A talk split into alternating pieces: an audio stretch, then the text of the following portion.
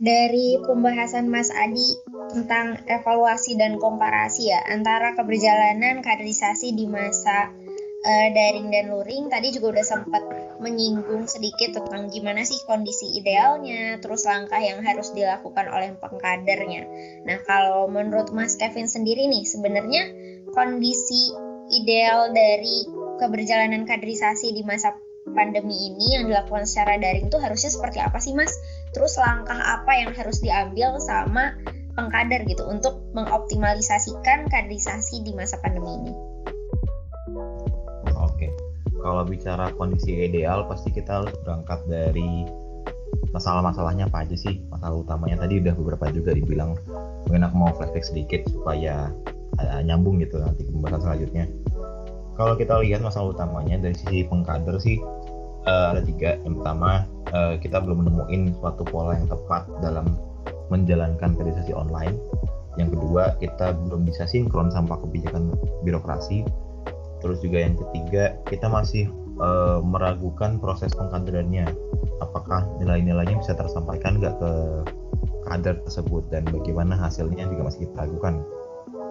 Kalau dari sisi kadernya masalahnya ada dua. Uh, satu uh, para kadernya masih mengeluhkan bahwa bentuk kegiatannya ini masih membosankan, stagnan, kaku dan sebagainya.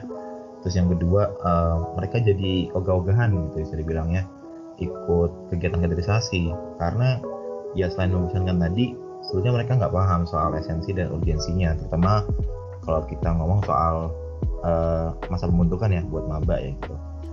Uh, itu masalah utamanya. Dan kalau kita bisa soal kondisi idealnya kayak gimana sih? Kalau menurut aku di masa pandemi dengan kaderisasi online gini uh, idealnya kita harus bisa yang pertama idealnya kita harus bisa bangun komunikasi yang baik uh, antara birokrasi dengan pengkader dari sisi pengkader ya maupun uh, idealnya birokrasi juga bisa terbuka gitu dengan kita mengenai kebijakan. Karena ini sangat penting sekali kita nggak bisa menafikan kebijakan gitu uh, dari birokrasi mungkin nanti bisa dibahas lebih lanjut di poin selanjutnya ya.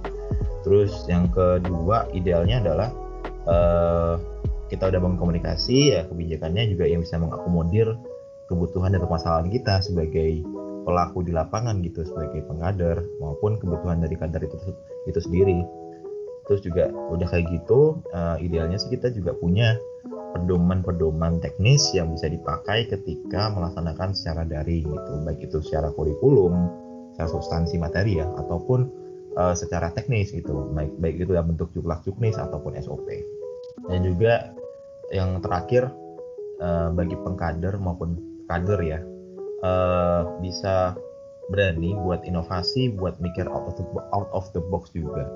Maksudnya adalah uh, gini uh, satu uh, hal yang aku pikirkan setelah uh, melewati pernah melewati masa kaderisasi offline dan juga online di tahun kemarin uh, aku mikir seperti ini.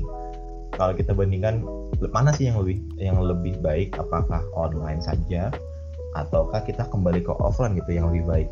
Sebetulnya uh, gini banyak yang bilang offline lebih baik daripada online padahal juga belum tentu gitu.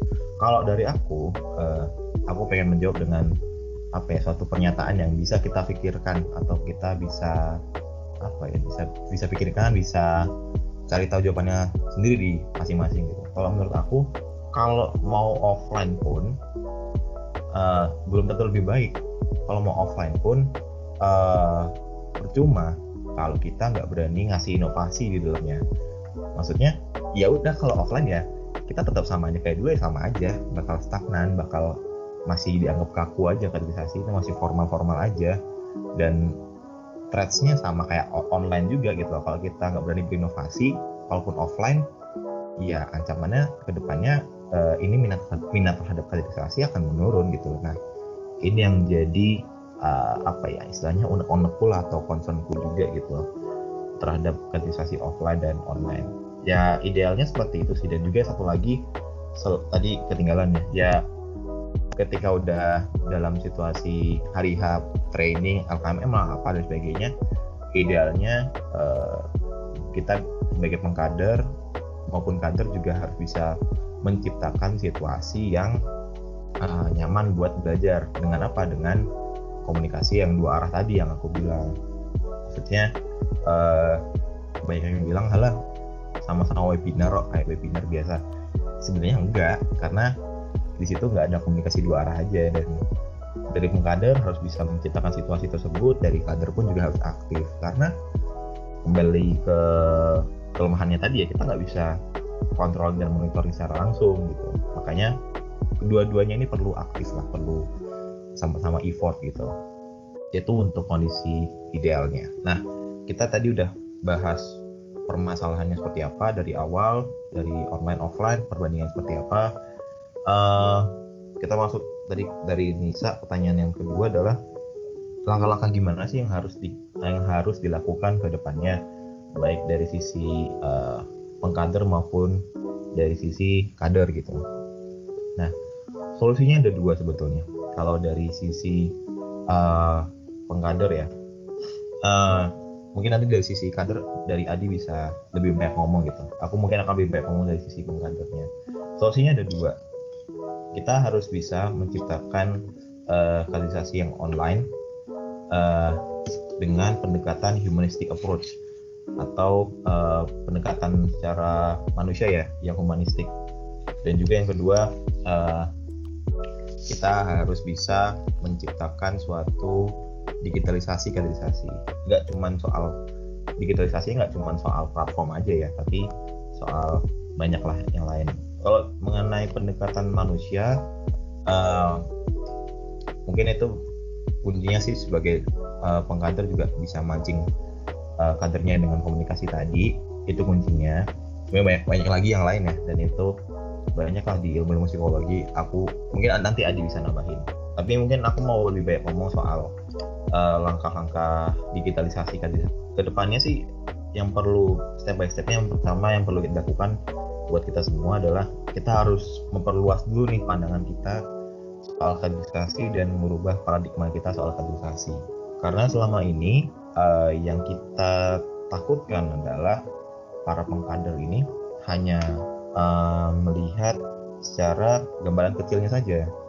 Aku pengen mengajak semua teman-teman yang dengar, uh, kita harus sebagai pengkader kita harus melihat uh, gambaran besarnya, see the bigger picture lah istilahnya. Karena uh, sering kali kita hanya mengukur keberhasilan kaderisasi hanya dari keberhasilan eventnya aja. Kayak misalkan wah kam dasarnya rame nih tapi uh, kaderisasi divisi berhasil. Enggak juga sebetulnya karena kan kaderisasi ada banyak. Dan kita bicara dari kaderisasi itu nggak cuma pelaksanaan hari hanya aja sebelumnya ada sebelum hari H pelaksanaan misalkan kita ada uh, pemetaan dulu kita ada uh, apa uh, kita bisa survei dulu, analisis dulu. Setelah hari hanya kita masih ada monitoring, kita itu harus kita lihat secara luas. Dan kalau mau ngomongin soal kaderisasi divisi misalkan ya, jangan dari satu aja, jangan dari dasar yang aku bilang tadi, dari semuanya harus. Jadi paradigmanya diubah, pandangannya diubah dulu. Terus juga uh, kita harus uh, yang kedua harus paham tujuan yang pengen dicapai itu apa dulu. Dan uh, alat yang pengen kita pakai itu apa. Maksudnya gimana? Maksudnya adalah uh, kita sebagai pengkader ngeset tujuannya itu gimana caranya? Ya sebelum kita melakukan LKMM misalkan kita harus analisis dulu nih analisis kebutuhan yang kader itu sendiri yang mau kita bentuk. Kita bisa pakai metode uh, berbagai metode lah. Ada training analisis dan sebagainya. Itu ilmu-ilmu dari teman-teman psikologi lah.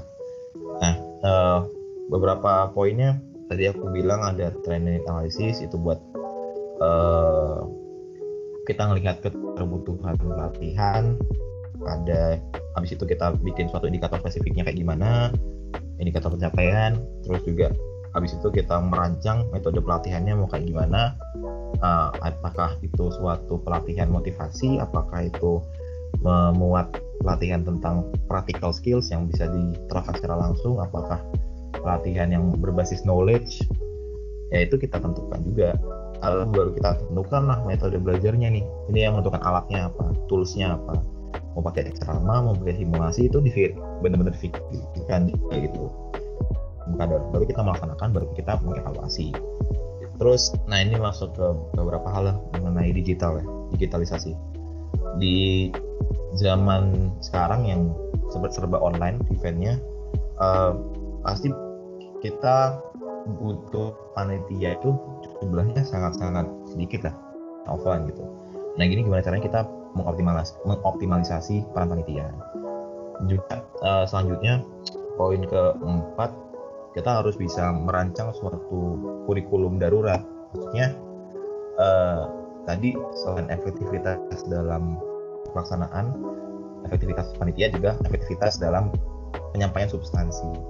Maksudnya merancang kurikulum darurat gimana? Yaitu menambahin atau memodifikasi suatu dari suatu kurikulum yang udah ada gitu. Nah ini yang kadang salah pandangan teman-teman di luar sana bahwasanya buku biru tuh rigid ya gitu. uh, apa yang udah ada di buku biru ah, gitu. Nggak sebenarnya nggak juga. Itu adalah pedoman yang fleksibel. Kita bisa modifikasi sesuai dengan perkembangan zaman. Apalagi di masa pandemi dengan metode digital kita perlu banyak adaptasi. Contoh materi yang relevan di masa sekarang tapi belum ada di uh, atau jarang. Event-event kada di contoh uh, materi tentang digital materi tentang uh, personal branding digital materi tentang komunikasi digital materi tentang cognitive flexibility. Nah itu belum ada. Salah satu faktor teman-teman uh, di undip juga apa ya minatnya akan menurun karena tidak ada materi-materi ini gitu. Kalah dengan wadah-wadah lain di luar sana di luar undip gitu lah yang non formal nah uh, terus juga kita buat suatu sistem pendampingan skala kecil di masa digital ini digitalisasi ini maksudnya gimana? Maksudnya adalah gini uh, sering kali kita sudah melaksanakan suatu pelatihan ataupun katakanlah LKMM ya LKM dasar lah. Ini yang lagi deket-deket kan ya aku pakai. Kita udah melaksanakan LKM dasar nih tapi di sana tidak ada follow up skala kecilnya. Maksudnya ada ada sih uh, kelompok dengan skala kecil ini adalah untuk memberikan suatu experience pengalaman kita sharing pengalaman gitu. Itulah yang dinamakan dengan mentoring. Kalau cuman mengulang apa yang disampaikan pada hari LKMM yaitu sama aja dengan training. Training kan cuman memberikan suatu knowledge dan skills gitu. Nah seharusnya mentoringnya ini yang kita uh, apa yang kita gencarkan gitu di terutama di masa pandemi ini. Karena kita nggak bisa ngandelin cuma sehari dua hari eh, LKMM eh, dengan forum besar 50 orang lebih bahkan sampai 100 kalau dasar ya nggak bisa kita mengharapkan suatu output yang efektif dan maksimal kalau kita nggak bisa nggak punya wadah mentoring gitu nggak punya nggak punya wadah coaching juga jadi coaching dan mentoring ini harus dimaksimalkan dari skala kecil. Paling nggak 5 sampai 10 orang atau 5 sampai 7 orang. Terus juga uh, yang paling penting adalah dengan digitalisasi ini kita buat panduan teknis seperti aku bilang.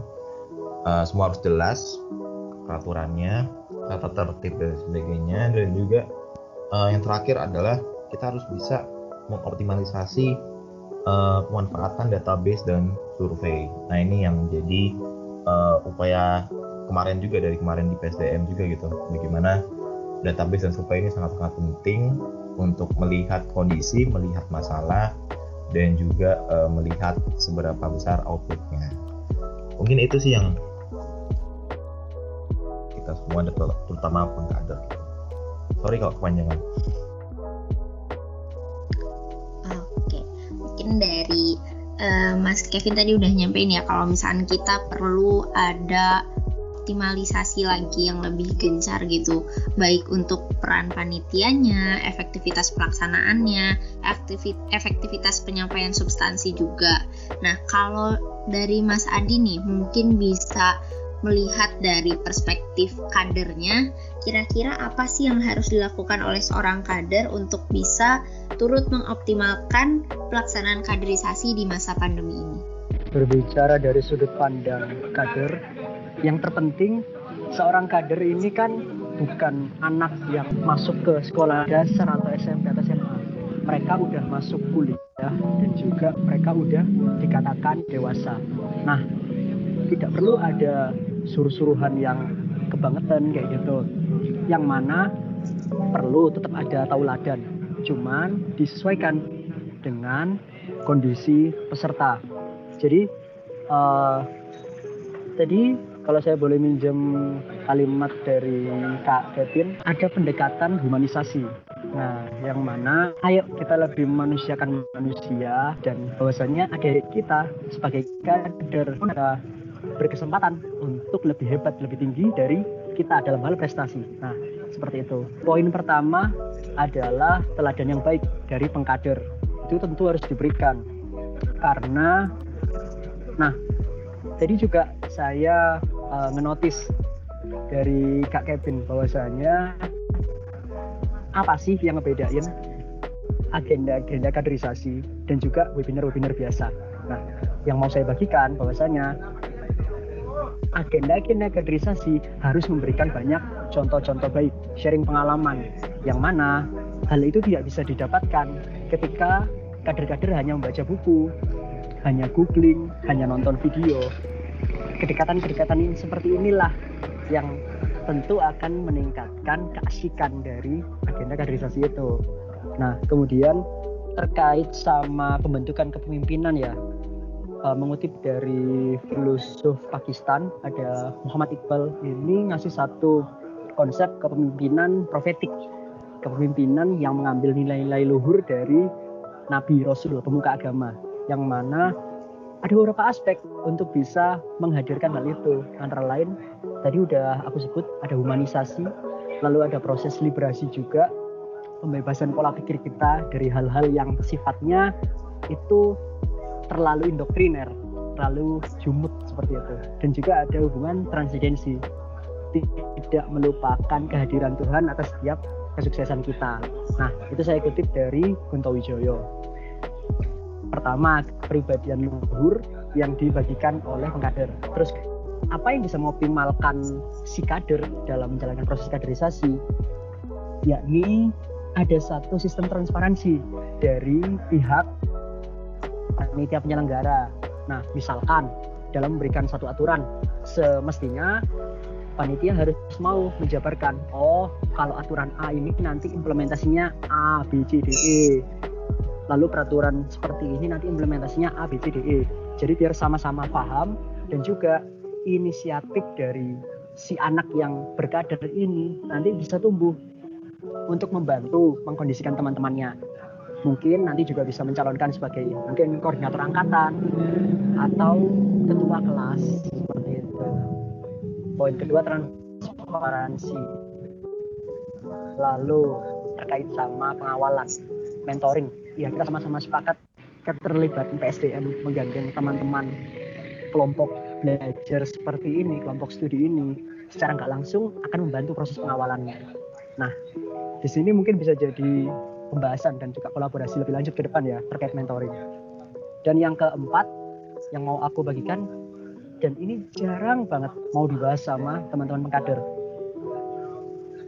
Saudara-saudara kita yang menjadi minoritas di Undip, mohon maaf, uh, kita sama-sama tahu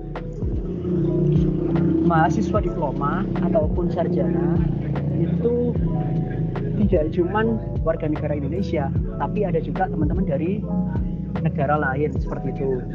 Dan uh, ini jadi pembahasan yang cukup menarik ya untuk kita bisa memberi satu penyetaraan materi gitu. Supaya kalau mereka masih susah memahami bahasa Indonesia nanti kita bisa membuat buku dengan versi bahasa Inggris dan sebagainya. Itu memang uh, jarang dibahas sih.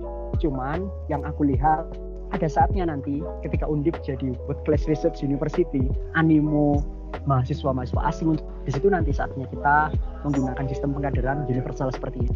Menarik banget nih usulan-usulan dari Mas Kevin dan Mas Adi yang udah uh, ngasih pendapatnya dari segi pandangan sebagai pengkader maupun dari kader intinya yang masih banyak hal lah ya yang perlu kita perbaiki lagi untuk mengoptimalisasi uh, kegiatan kaderisasi di masa pandemi yang dilakukan secara online ini tapi bukan berarti tidak mungkin kita akan bisa uh, sedikit sedikit demi sedikit untuk memperbaiki sistemnya.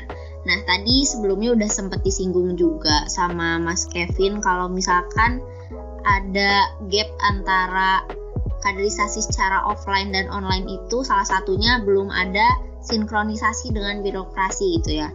Terutama kemarin mungkin teman-teman yang pengkader dan kader di tahun lalu udah merasakan kalau misalkan ada perubahan timeline di PMB salah satunya itu kan dari kebijakan birokrasi ya kita kan nggak bisa melaksanakan kaderisasi tanpa adanya kebijakan yang lebih jelas dulu udah ditetapkan oleh birokrasi yang ada di atas gitu. Nah, kalau dari pendapat Mas Adi dan Mas Kevin nih, gimana sih uh, peran birokrat dalam kaderisasi ini?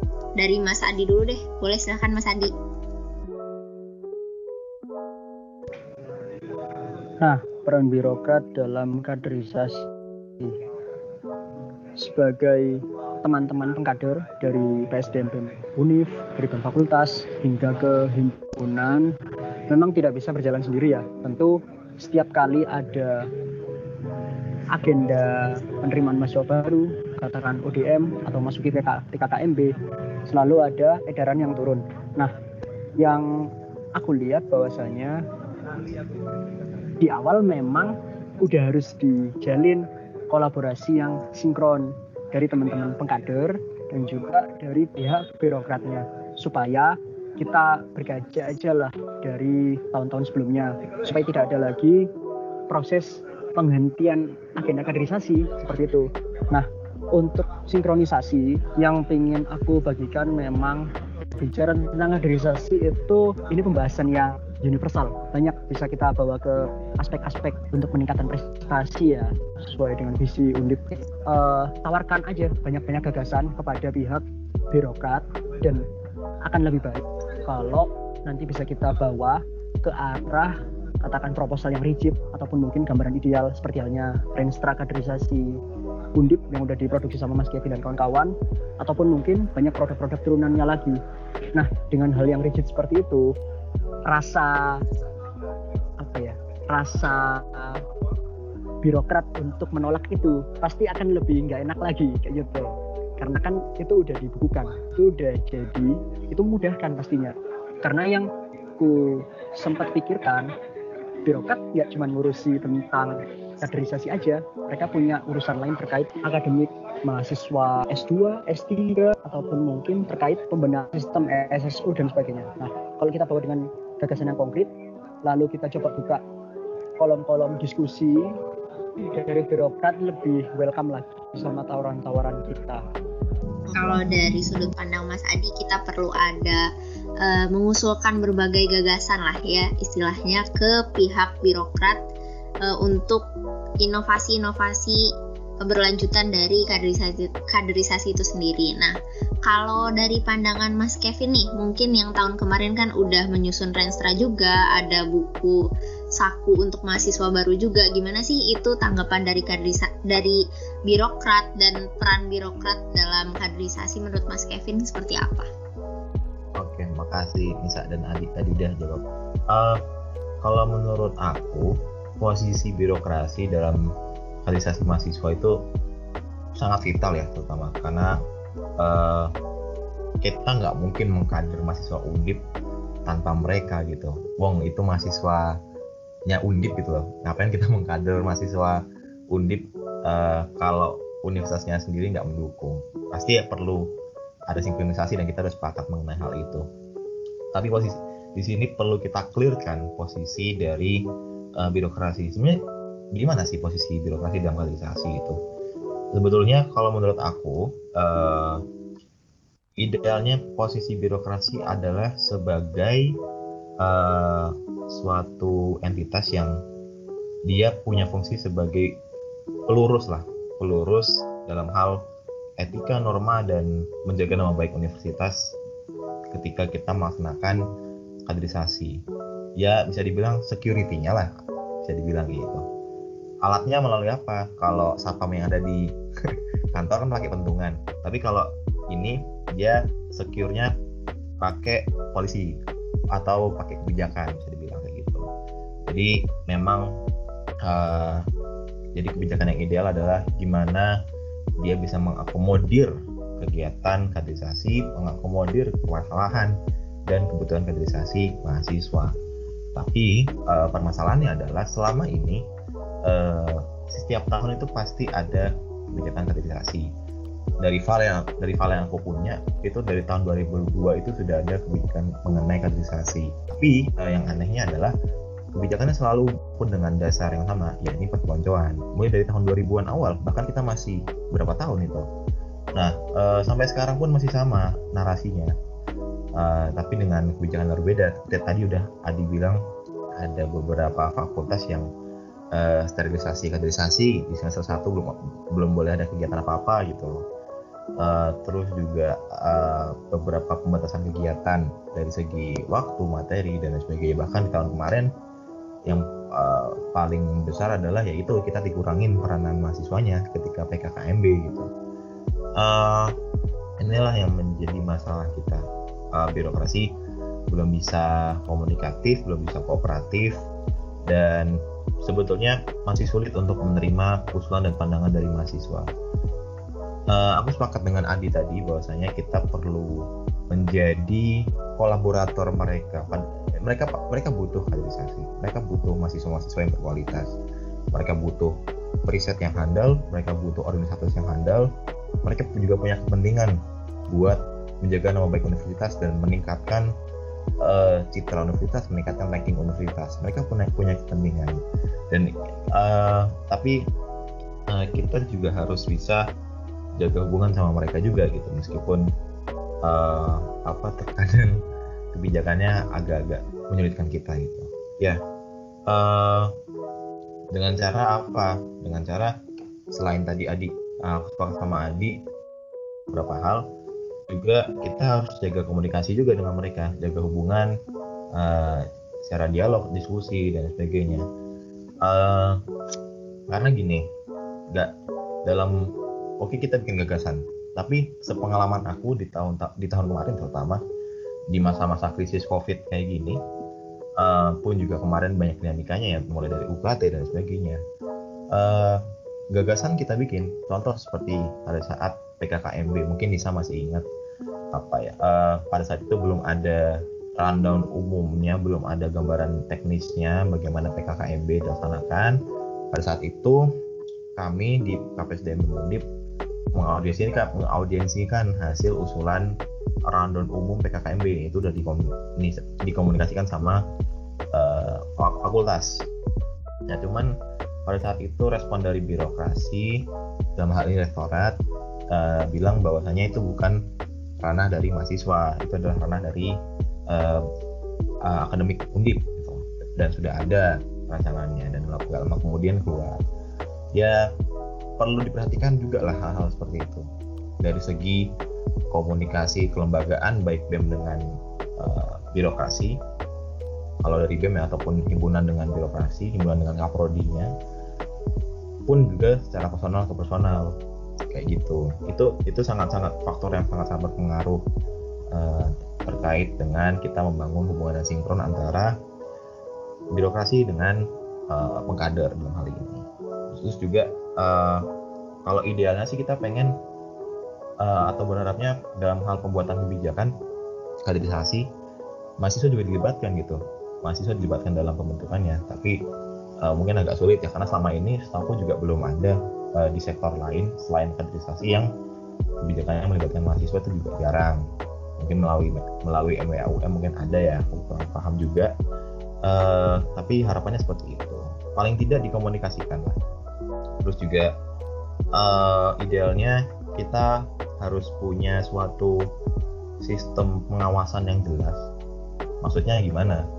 Uh, maksudnya adalah selama ini kan uh, birokrasi dengan pengkader ini sering kali dilandasi dengan rasa curiga ya. Curiga bahwa mahasiswanya akan melakukan perpeloncoan akan melakukan penyelewengan dan lain sebagainya.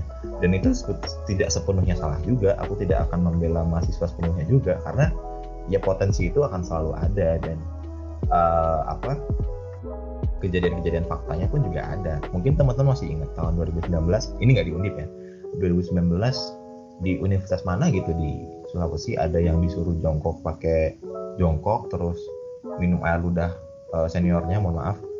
Mungkin teman-teman masih ingat tahun 2020 di Lampung uh, online padahal dibentak-bentak gara-gara sabuk uh, apa namanya ikat ikat pinggang sorry eh, mungkin teman-teman masih ingat dan potensi itu selalu ada. Makanya kita juga butuh birokrasi supaya jadi pengingat kita agar selalu bergerak di dalam koridor norma-norma dan etika yang baik.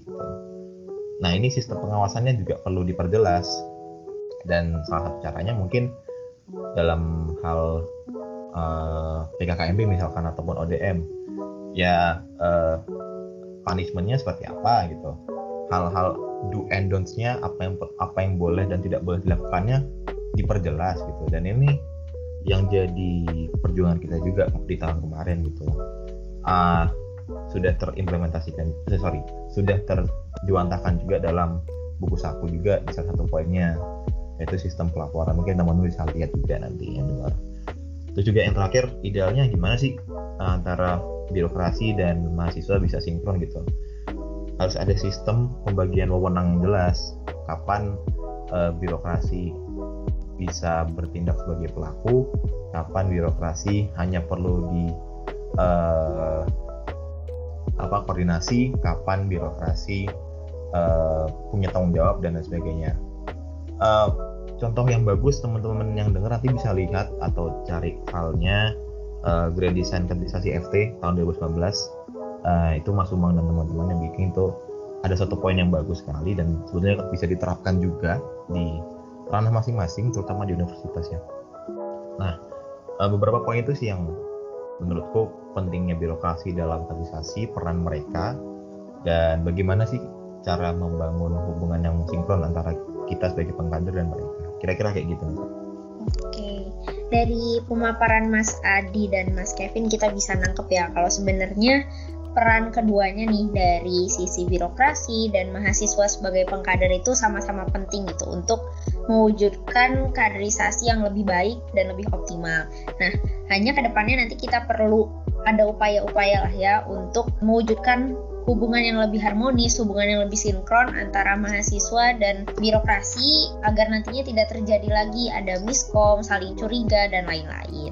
Nah, selanjutnya nih, Mas, kalau misalkan dari judul yang kita bawa hari ini di diskusi kita kali ini, itu kan sempat mempertanyakan masihkah kaderisasi memberi arti berkaitan juga sama apakah kaderisasi ini cuma dilaksanakan sebagai formalitas saja? Karena kan cara tidak langsung ya kita lihat kalau di Undip ini kita ada buku biru yang udah mengatur ada, ada alur kaderisasinya yang mahasiswa baru itu wajib melaksanakan PMB, wajib melaksanakan LKM MPD.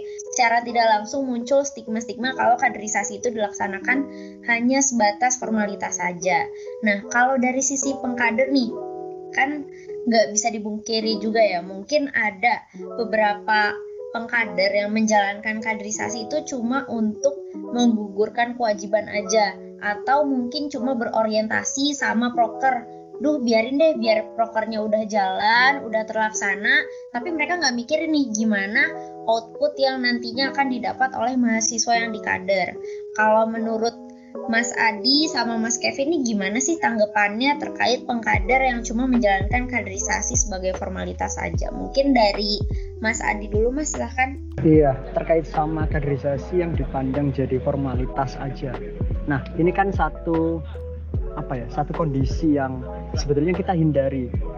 Karena kalau kaderisasinya dianggap formalitas, otomatis anak-anak yang mau berkader cuman mau belajar waktu agenda kaderisasinya jalan aja. Kan cuman formalitas buat nyari nilai. Nah padahal kan kita nggak ngejar gambaran itu. Tapi kan kita berupaya sama-sama ya kaderisasi ini satu gerbang pembuka supaya setelah itu anak-anak tetap rajin belajar tetap kembangkan diri nah yang jadi perhatianku di sini sebetulnya bisa kita katakan formalitas kalau tujuan dari kaderisasi ini optimal. Kemudian pengawalannya juga nggak berjalan pasca agenda kaderisasi itu selesai kemudian nilai-nilai yang diharapkan oleh agenda kaderisasi itu belum dapat diamalkan oleh pesertanya serta ada banyak kekecewaan, ketidakpuasan dari maba pasca mengikuti kaderisasi. Nah, terkait sama penyesalan Nah, terkait sama kekecewaan. Ini bisa jadi satu bumerang buat kita. Namanya orang kecewa, orang nggak puas.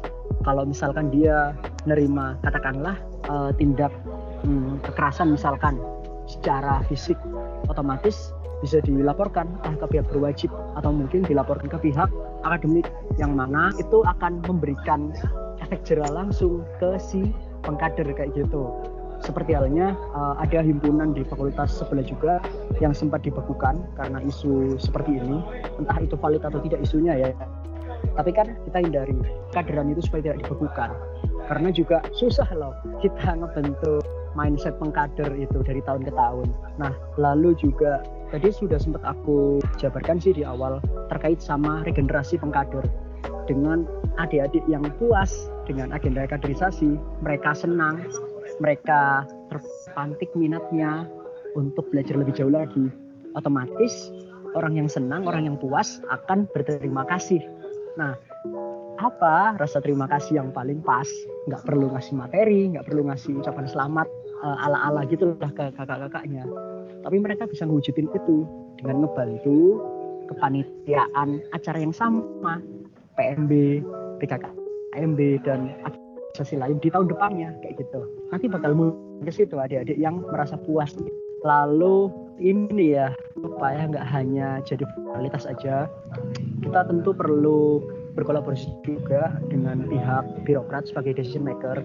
Nah supaya ada satu keseriusan dalam arti ada satu kedisiplinan pihak peserta maupun si pengkader. Jadi aku menotis juga kan kita mau kan sama pihak birokrat bisa kita sepakati sama-sama. Misalkan do and don'ts-nya apa dan juga nanti sanksinya apabila ada pelanggaran itu ada tingkatan sanksinya. Misalkan tingkat rendah lalu sedang sampai tingkat tinggi kayak gitu. Dan itu uh, bukan buat apa-apa ya. Cuman kan kita lebih, lebih bisa ngeliat itu oh rambunya di situ. Jadi nggak ada main sembunyi-sembunyian. Nanti nggak ada upaya judgement sepihak dari pihak rektorat. Karena udah kita sepakati sama-sama di awal. Nah enaknya kan kayak gitu kalau kita tahu batasannya. Dan itu pun membantu kita sebagai kalau kita agak gak enak hati kalau kita agak susah buat ngebilangin teman kita pengkader yang mohon maaf agak bandel agak keras lah dalam kader kayak gitu. Nggak perlu kita bilangin secara verbal kita sosialisasiin sama-sama aja peraturan do and gitu. Nah, lalu uh, lebih jauh ketimbang do and don'ts ini, kalau universitas mau membuat satu sistem yang bagus terkait sama good corporate governance, ini bisa juga uh, pihak universitas membuat satu whistleblowing system. Jadi gampangannya uh, apa ya semacam kantor layanan terpadu gitulah yang terima keluhan apa nanti itu bisa cepat di tindak lanjuti solusinya seperti apa kayak gitu. Dan ini pun mewadai keluhan-keluhan kaderisasi seperti itu. Itu nanti bisa memudahkan kita sebagai pengkader nggak perlu ribet-ribet nyari data kepuasan anak-anak peserta. Tapi kita bisa minta data dari tim ini tadi tim whistleblowing system iya. Mungkin dari Nisa atau KKP gimana setuju sih benar sama uh, sepaham juga sama pandangan dari Mas Adi terkait uh, masih susah juga untuk uh, menanamkan mindset untuk pengkader ya karena ya udah bertahun-tahun udah jadi budaya gitu. Mungkin untuk menjalankan kaderisasi sebatas menggugurkan kewajiban tapi bukan berarti semua organisasi yang melaksanakan kaderisasi juga uh, berpikir seperti itu. Nah, kalau menurut Mas Kevin yang tahun kemarin ada di posisi strategis ya di bidang kaderisasi tingkat undip nih, menurut Mas Kevin sendiri gimana sih menyikapi uh, pengkader yang menjalankan kaderisasi hanya sebagai formalitas untuk menggugurkan kewajiban? Oke, uh, makasih Nisa. Uh, pertama-tama kita tanya uh, pandangan akan hal tersebut salah ya bahwasanya kita nggak bisa melaksanakan realisasi hanya sebatas menjalankan atau menggugurkan kewajiban saja karena uh, ada beberapa hal yang perlu kita punya gitu yang menjadi bekal kita ketika melaksanakan suatu kaderisasi terutama ketika jadi mengkader. Nah uh, kalau dari sisi pengkader ya harusnya paradigma yang tepat adalah semua pengkader paham pentingnya kaderisasi itu uh, sebagai alat untuk meregenerasi uh, apa organisasinya atau uh, sektor-sektor lainnya di luar organisasinya gitu. Uh, dan juga kalau dari kader ya ini aku sekalian aja. Kalau dari kader uh, pandangan yang tepat adalah atau paradigma yang tepat adalah kaderisasi dijadikan sebagai tempat kebutuhan dan tempat belajar gitu. Di luar dari atau di luar dari pandangan yang biasanya dipakai bahwasanya ya udah uh, kita ikut kaderisasi sebagai kewajiban kita ikut kaderisasi karena disuruh kita ikut kaderisasi karena kita pengen dapat sertif gitu. Nah kan itu pandangan yang biasa dipakai. Jadi paradigma yang harus dipakai baik dari pengkader maupun kader adalah seperti yang seperti yang aku bilang tadi gitu. Itu dari pandangan aku. Nah tapi uh, untuk membenahi pandangan yang salah tersebut kita harus melihat dulu nih. Pertanyaan dasarnya adalah apakah pengkader dan kader itu sudah paham betul arti dari kaderisasi itu sendiri? Apakah mereka melaksanakan kaderisasi itu udah tahu tujuannya dan lain sebagainya. Arti pentingnya dan sebagainya. Jujur kalau aku berkaca pada diriku sendiri dulu aku nggak tahu arti pentingnya PMB aku nggak tahu arti pentingnya pendikar dan sebagainya. Aku sekedar ikut aja dan dan tidak pernah dijelaskan dulu ya kalau aku di fakultas hukum yang aku rasakan. Sebetulnya kita bisa benahi ya beberapa poin. Intinya adalah uh, atau disclaimer dulu bahwasanya semua ini adalah suatu siklus yang akan berputar yang aku akan sebutin ini. Nah awal mula kita harus memasang kader ini harus punya tiga hal yaitu knowledge sense of belonging dan juga motivasi yang jelas. Maksudnya gimana ya? Pengkader harus kita pastikan paham arti dari kaderisasi mulai dari hal-hal basic basic knowledge-nya yaitu mengenai definisi mengenai, mengenai hakikat dari kaderisasi dan sebagainya sampai hal-hal yang sifatnya teknis yaitu uh, bagaimana cara menyusun nilai-nilai bagaimana cara mengobservasi kebutuhan kader, bagaimana mengimplementasikan nilai tersebut di lapangan dengan memberikan uh, teladan-teladan yang baik dan lain sebagainya. Knowledge-nya harus paten dulu dari pengkader. Lalu yang kedua yang harus kita pastikan dari pengkader adalah sense of belonging-nya. Mereka harus, uh, rasa memiliki dari kaderisasi itu sendiri. Dengan apa caranya?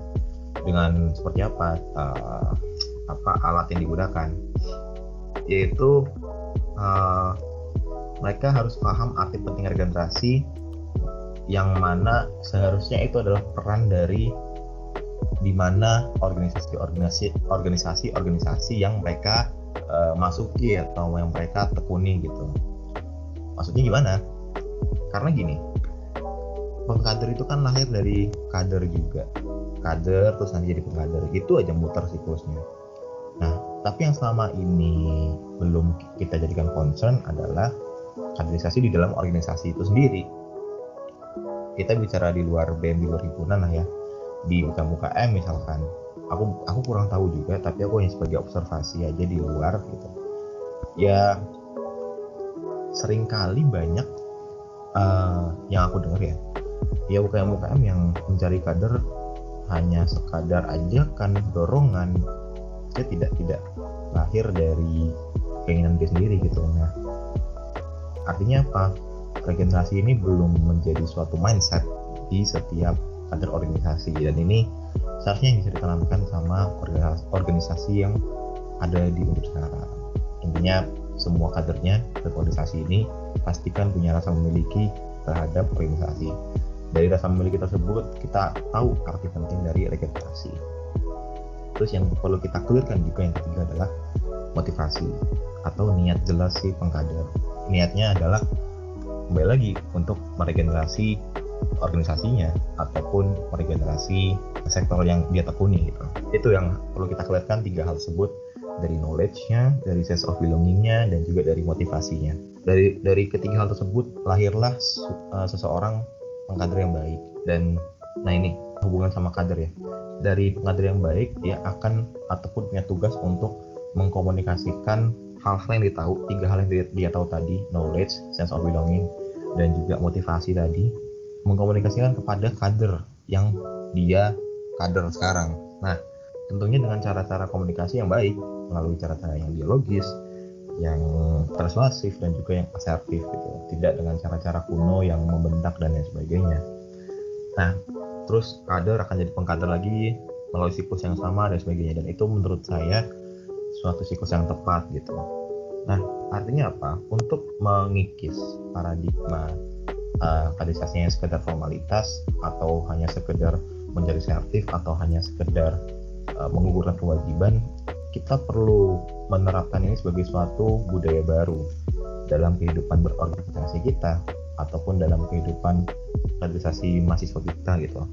Maka dari itu sebetulnya hal ini uh, kita perlukan bentuk teknis implementasinya. Kalau tadi kan istilahnya dasar pemikirannya teori.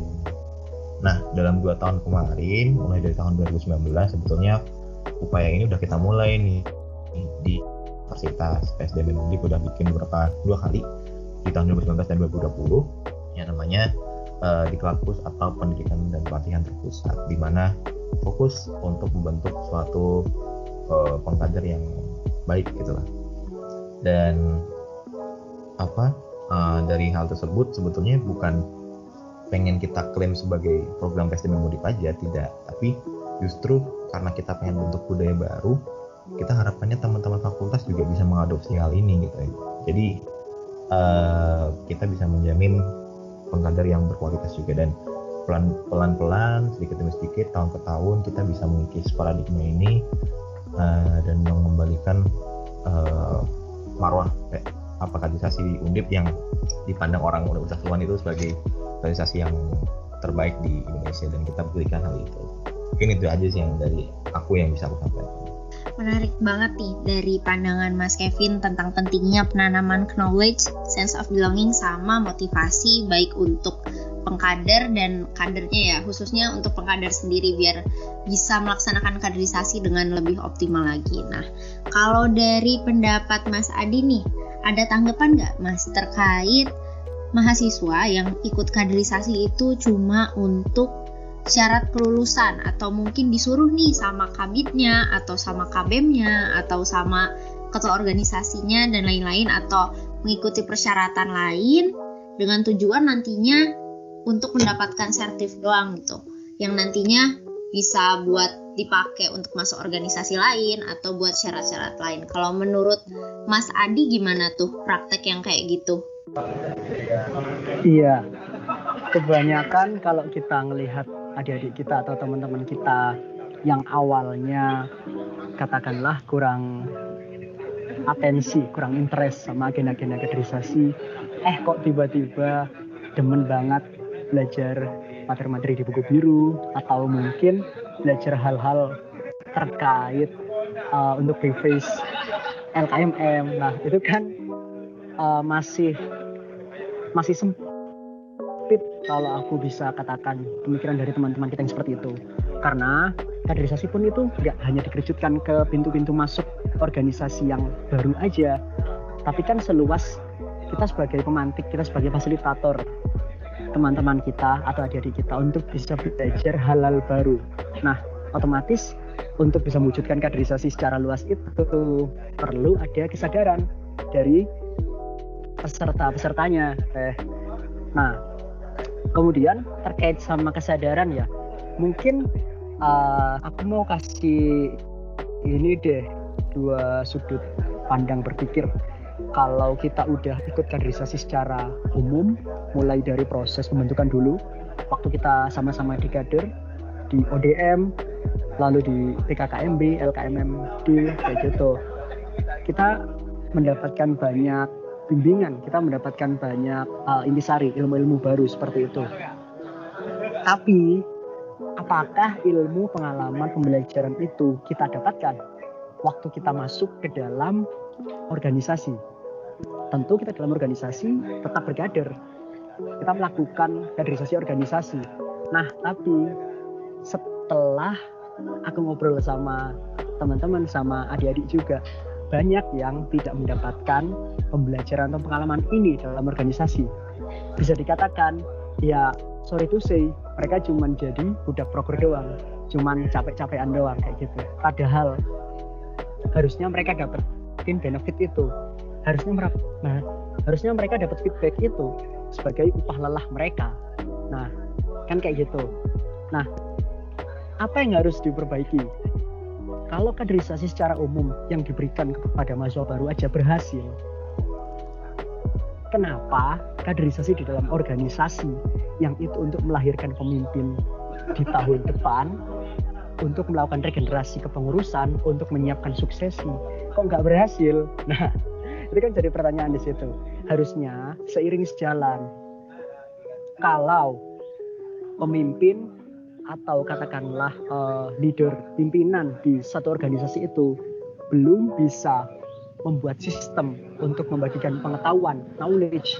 Kalau kata Kak Kevin tadi ke adik-adiknya pertanyakan apa hak apa hak kita sebagai pekerja apa hak kita sebagai adik-adik sebagai fungsionaris kayak gitu. Nah karena itu hak kalian lebih baik lagi kalau teman-teman muncul inisiatifnya, kalian bisa mencari, kalian bisa mengambil apa yang itu menjadi hak kalian, kayak gitu. Lalu, uh, nah berkaitan sama proses ini ya, membentuk satu ekosistem yang bagus untuk melahirkan kepemimpinan. Uh, aku coba ngutip dari psikolog pendidikan Amerika Serikat ada Alvin Toffler ini membagikan satu siklus membagikan satu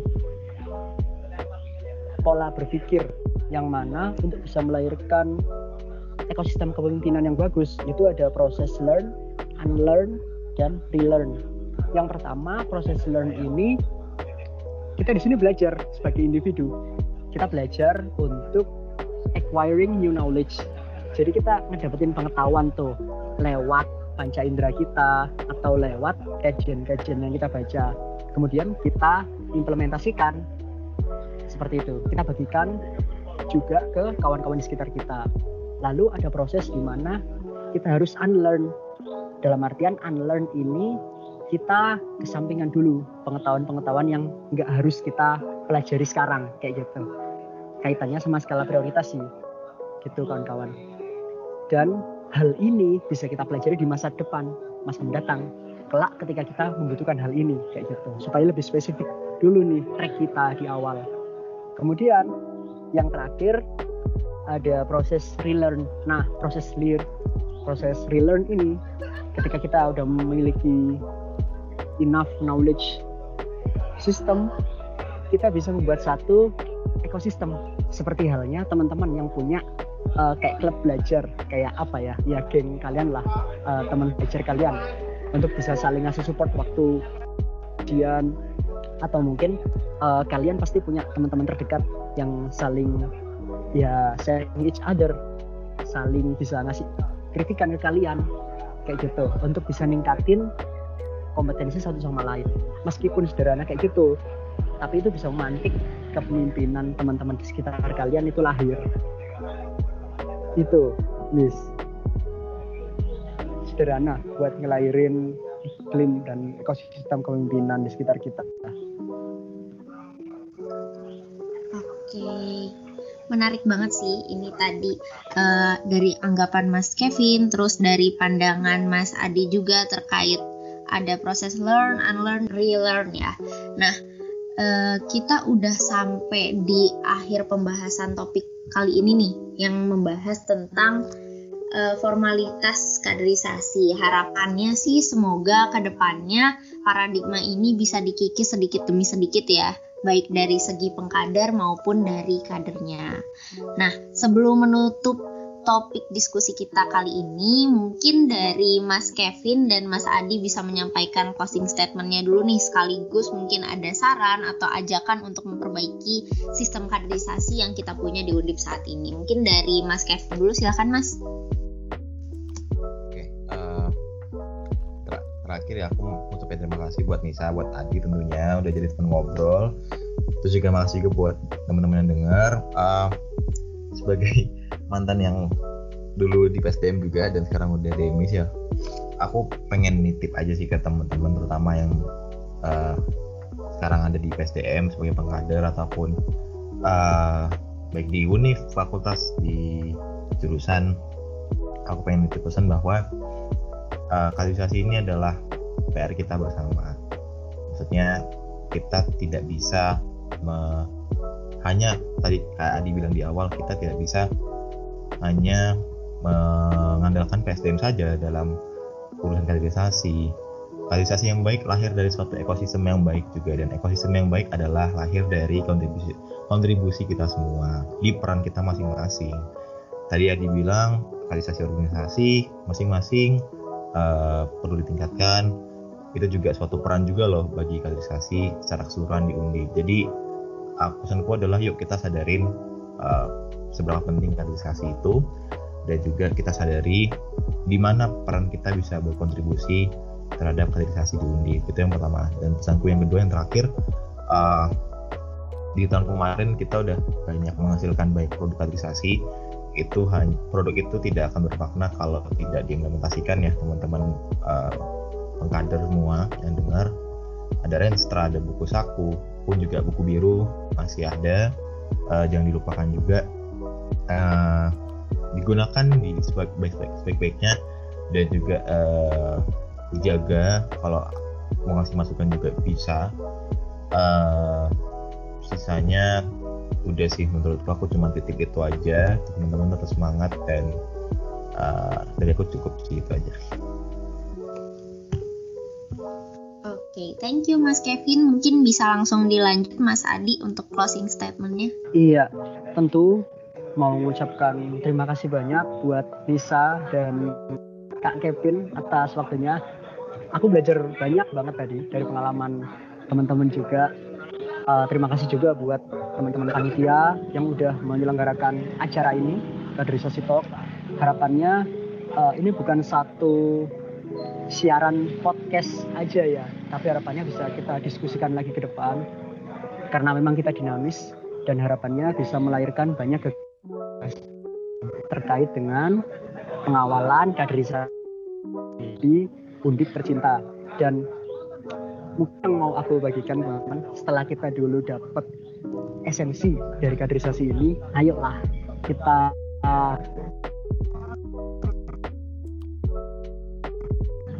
terkhusus aku sendiri lebih bersyukur. Tapi jangan berpuas diri kita kembangin diri lebih tinggi lagi lebih lagi. Dan wujud syukur kita kita bagi lagi dengan crowd Glass Research University. Semangat buat teman-teman pengkader semua. Itu nih makasih juga oke okay. thank you nih Mas Adi mungkin uh, terakhir ya sebelum menutup diskusi kita malam ini, aku juga mungkin mau coba nyampein sedikit saran.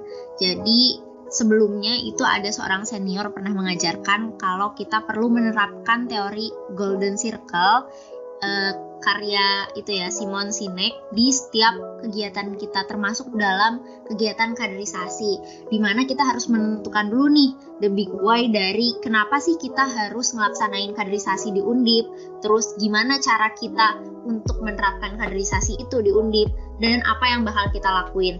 Harapannya semua yang udah disampaikan tadi sama Mas Kevin, sama Mas Adi, seluruh insight itu bisa jadi acuan dan pedoman teman-teman khususnya pengkader ya untuk turut membantu pengoptimalisasian lagi kaderisasi di Undip biar kita bisa mewujudkan kaderisasi yang lebih baik lah. Nah, yang jadi pertanyaan di sini bisa nggak sih nanti di ketika uh, sistem hybrid udah diterapkan, apa yang bakal teman-teman pengkader di sini siapin gitu? Apakah teman-teman masih bakal menggunakan sistem online seperti satu tahun sebelumnya, atau mungkin akan ada adaptasi sistem lagi? Itu tentu jadi PR dan tantangan besar ya buat teman-teman pengkader semua. Dan adanya podcast dari KPSDM BEM Hisip Undip ini harapannya bisa jadi bekal juga buat teman-teman untuk uh, merumuskan lah ya strategi gimana masa uh, nanti kaderisasi di tahun ini kayak gitu. Oke, mungkin terakhir mau ngucapin terima kasih banyak buat teman-teman yang udah ngedengerin podcastnya sampai akhir. Semoga bisa diambil hikmah dan manfaatnya dan bisa diterapkan juga ke lingkungannya. Berterima kasih banyak juga sama Mas Kevin dan Mas Adi yang udah meluangkan waktunya nih kali ini buat sharing-sharing bareng sama kita di podcast ini. Insightnya bener-bener menarik banget udah bener-bener nambah ilmu banget lah ya. Karena kan ilmu kayak gini nggak bisa kita dapetin di ruang kelas doang. Terus uh, berterima kasih banyak juga sama BEM Visip Undip khususnya untuk bidang KPSDM yang udah uh, menyediakan wadah bertukar pikiran diskusi terkait kaderisasi. Harapannya apa yang kita bicarakan tadi bisa sama-sama membawa manfaat baik bagi aku sendiri, bagi pembicara, bagi penyelenggara dan siapa pun yang mendengar podcast ini. Oke, mungkin cukup sekian. Mohon maaf jika selama podcast ini masih banyak kurangnya ada kesalahan ataupun gangguan teknis lainnya. Terima kasih yang sebesar-besarnya saya ucapkan. Sampai jumpa di next podcast lagi ya. Sampai jumpa di Oren Podcast selanjutnya.